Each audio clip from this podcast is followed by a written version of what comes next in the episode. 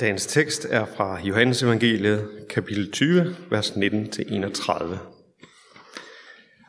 Om aftenen den samme dag, den første dag i ugen, mens disciplene holdt sig inde bag lukkede døre af frygt for jøderne, kom Jesus og stod midt i blandt dem og sagde til dem, Fred være med jer. Da han havde sagt det, viste han dem sine hænder og sin side. Disciplene blev glade, da de så Herren. Jesus sagde igen til dem, Fred være med jer. Som faren har udsendt mig, sender jeg også jer. Da han havde sagt det, blæste han ånde i dem og sagde, modtag hel- Helligånden. Forlader I nogen deres sønner, er de dem forladt. Nægter I at forlade nogen deres sønner, er de ikke forladt. Thomas, også kaldet Didymos, en af de tolv, havde ikke været sammen med dem, da Jesus kom. De andre disciple sagde til ham, Vi har set Herren.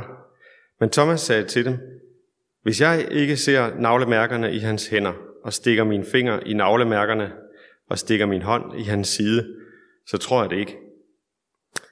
Otte dage efter var hans disciple der samlet. Thomas var sammen med dem. Der kom Jesus, mens dørene var lukkede, og stod midt i blandt dem og sagde, Fred være med jer. Derpå sagde han til Thomas, Ræk din finger frem, her er mine hænder. Og ræk din hånd frem og stik den i min side, og vær ikke vantro, men troende. Thomas svarede, Min Herre og min Gud. Og Jesus sagde til ham, Du tror, fordi du har set mig. Salige er de, som ikke har set og dog tror. Jesus gjorde også mange andre tegn, som hans disciple så. Dem er der ikke skrevet om i denne bog. Men dette er skrevet, for at I skal tro, at Jesus er Kristus, Guds søn, og for at I, når I tror, skal have liv i hans navn. Otte dage efter var hans disciple atter samlet. Hvorfor er det det? Der er gået en hel uge, og det er stadigvæk ikke gået til Galilea, som Jesus havde befalet dem. Hvad er forklaringen? Jo, at de venter på Thomas. Disciplerne går ingen steder, så længe Thomas ikke er med, så længe det er splittet i troen på opstandelsen. I Johannes evangeliet er tro og vantro tilbagevendende tema. Til den, der ønsker at tro, lyder opfordringen, kom med og se. Oplev Jesus.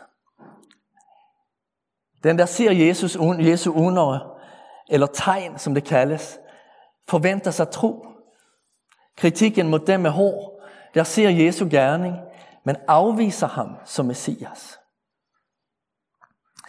I hvad position er Thomas for at kunne tro? Han har oplevet Guds nærvær i Jesu liv og gerning under tre års tid. Han har mødt mindst tre grupper af vidner til opstandelsen under en hel uges tid. Kvinderne, disciplene og dem, der vandrede til Emmaus. De har fortalt, de har fortalt han om englene, om hvordan Jesus så ud og hvad han sagde. Det har mindet Thomas om, at Jesus faktisk havde talt om sin opstandelse, mens han levede. Det har gennemgået alt, hvad Jesus undervist på vej til Emmaus ud fra det gamle testamente. Er Thomas berettiget i sine indvendinger? Jesus bebrejder ham ikke lige ud, men han lægger ikke skjul på, at det har været udtryk for vantro, ikke at tro på Jesus. Det har ikke været udtryk for et sundt tvivl. Tvivl er at ville tro, men ikke kunne. Man vil rigtig gerne tro, men der er noget, der låser sig, som gør, at man, man bare ikke kommer videre. Vantro, det er ikke at ville tro. Så viser man faktisk Jesus fra sig. I Thomas tilfælde er der gået prestige i det. Hvorfor skal han tro uden at se, når det andre har fået mulighed for at se? Han kræver tegn. Et fysisk møde med den opstandende. Ellers er han ude. Alle de salige under kirkens kommende historier vil være i den position, Thomas var i, frem til mødet med den opstande. Det vil ikke kunne se. Det vil blive nødt til at bearbejde tvivl og indvendinger. Men i sidste ende vil det trods alt tro på vidnerne. Det salige er dem, der hører og gemmer ordet om Kristus. Og det er også derfor, vi er her i dag. Gud møder os med sit ord, for at vi skal have liv i Jesu navn, for at vi skal kunne tro. Hvad sker med det menneske, der modtager troen? Det menneske, der ikke ser og dog tror. Det skal jeg sige tre ting om i denne prædiken. Troen modtager hellig ånd. Som faderen har udsendt mig, sender jeg også jer.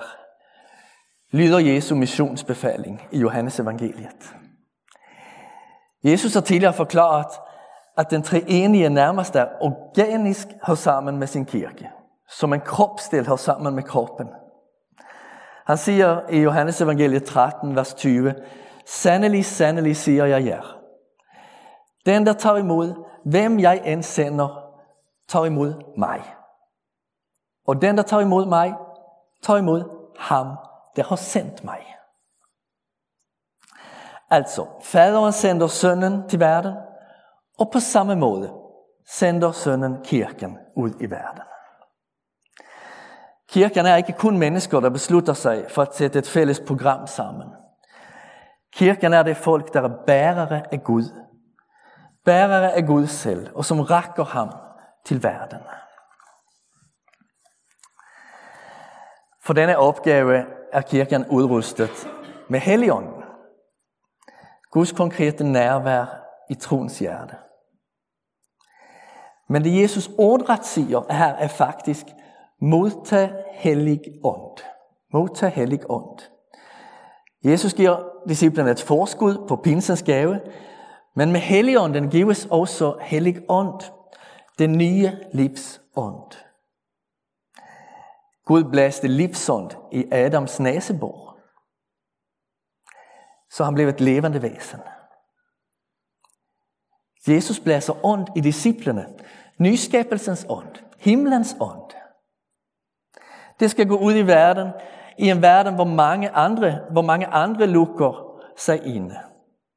Ikke sjældent i frygt for endnu en gang at blive afvist og svigtet. Det skal gå ud i verden for at række disse mennesker Kristus.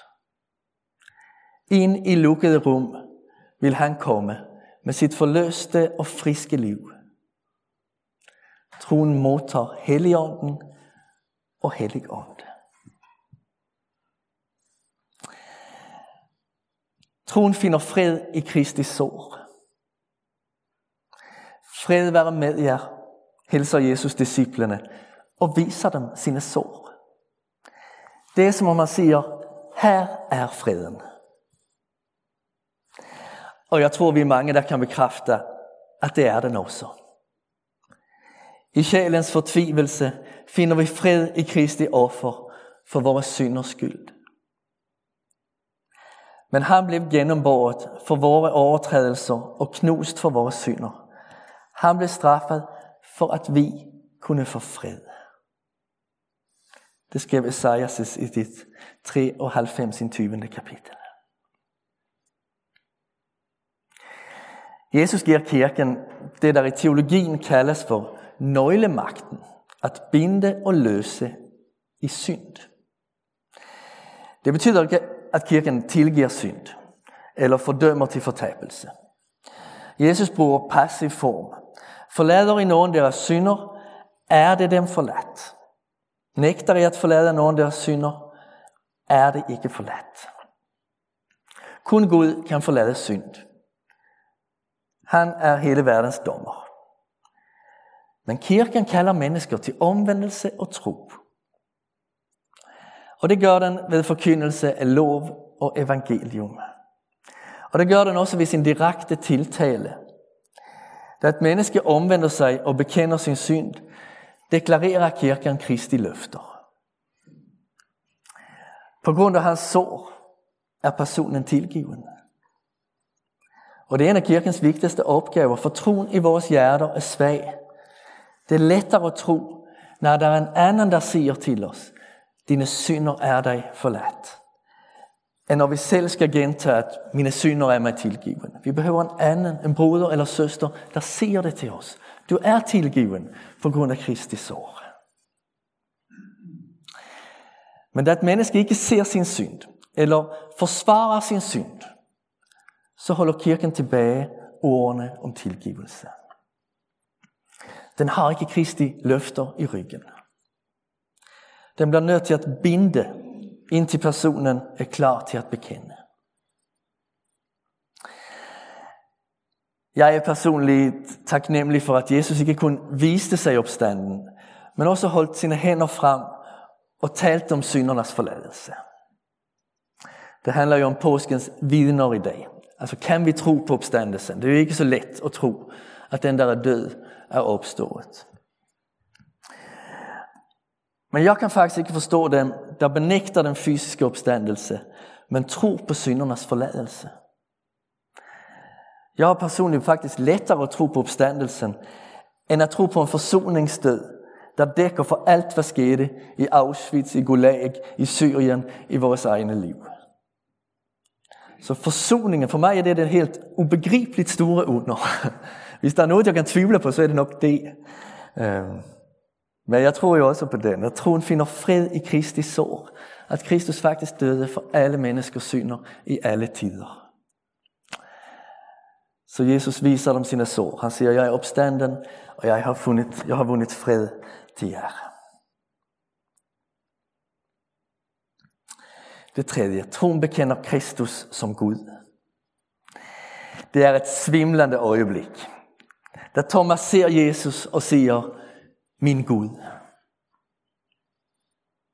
Han afslører, hvad har rørt sig i hans hoved den seneste uge. Det hele er kogt ned til to alternativer. Enten er Jesus død, eller er han Gud. Min Herre og min Gud, lyder Thomas varme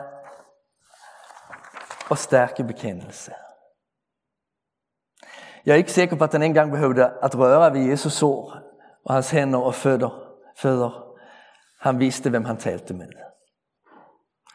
Fra nu af skulle Jesus være herre i Thomas liv. Hans vantro var blevet vendt i tro. Troen bekender Kristus som Gud.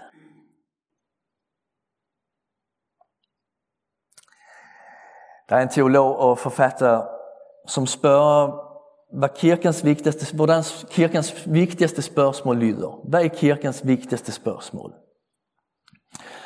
Og sådan lyder hans svar. Hvordan gensvarer vi på det faktum, at Jesus Kristus er opstanden og lever? Det er, mener han, det spørgsmål, vi hele tiden bør minde hinanden om.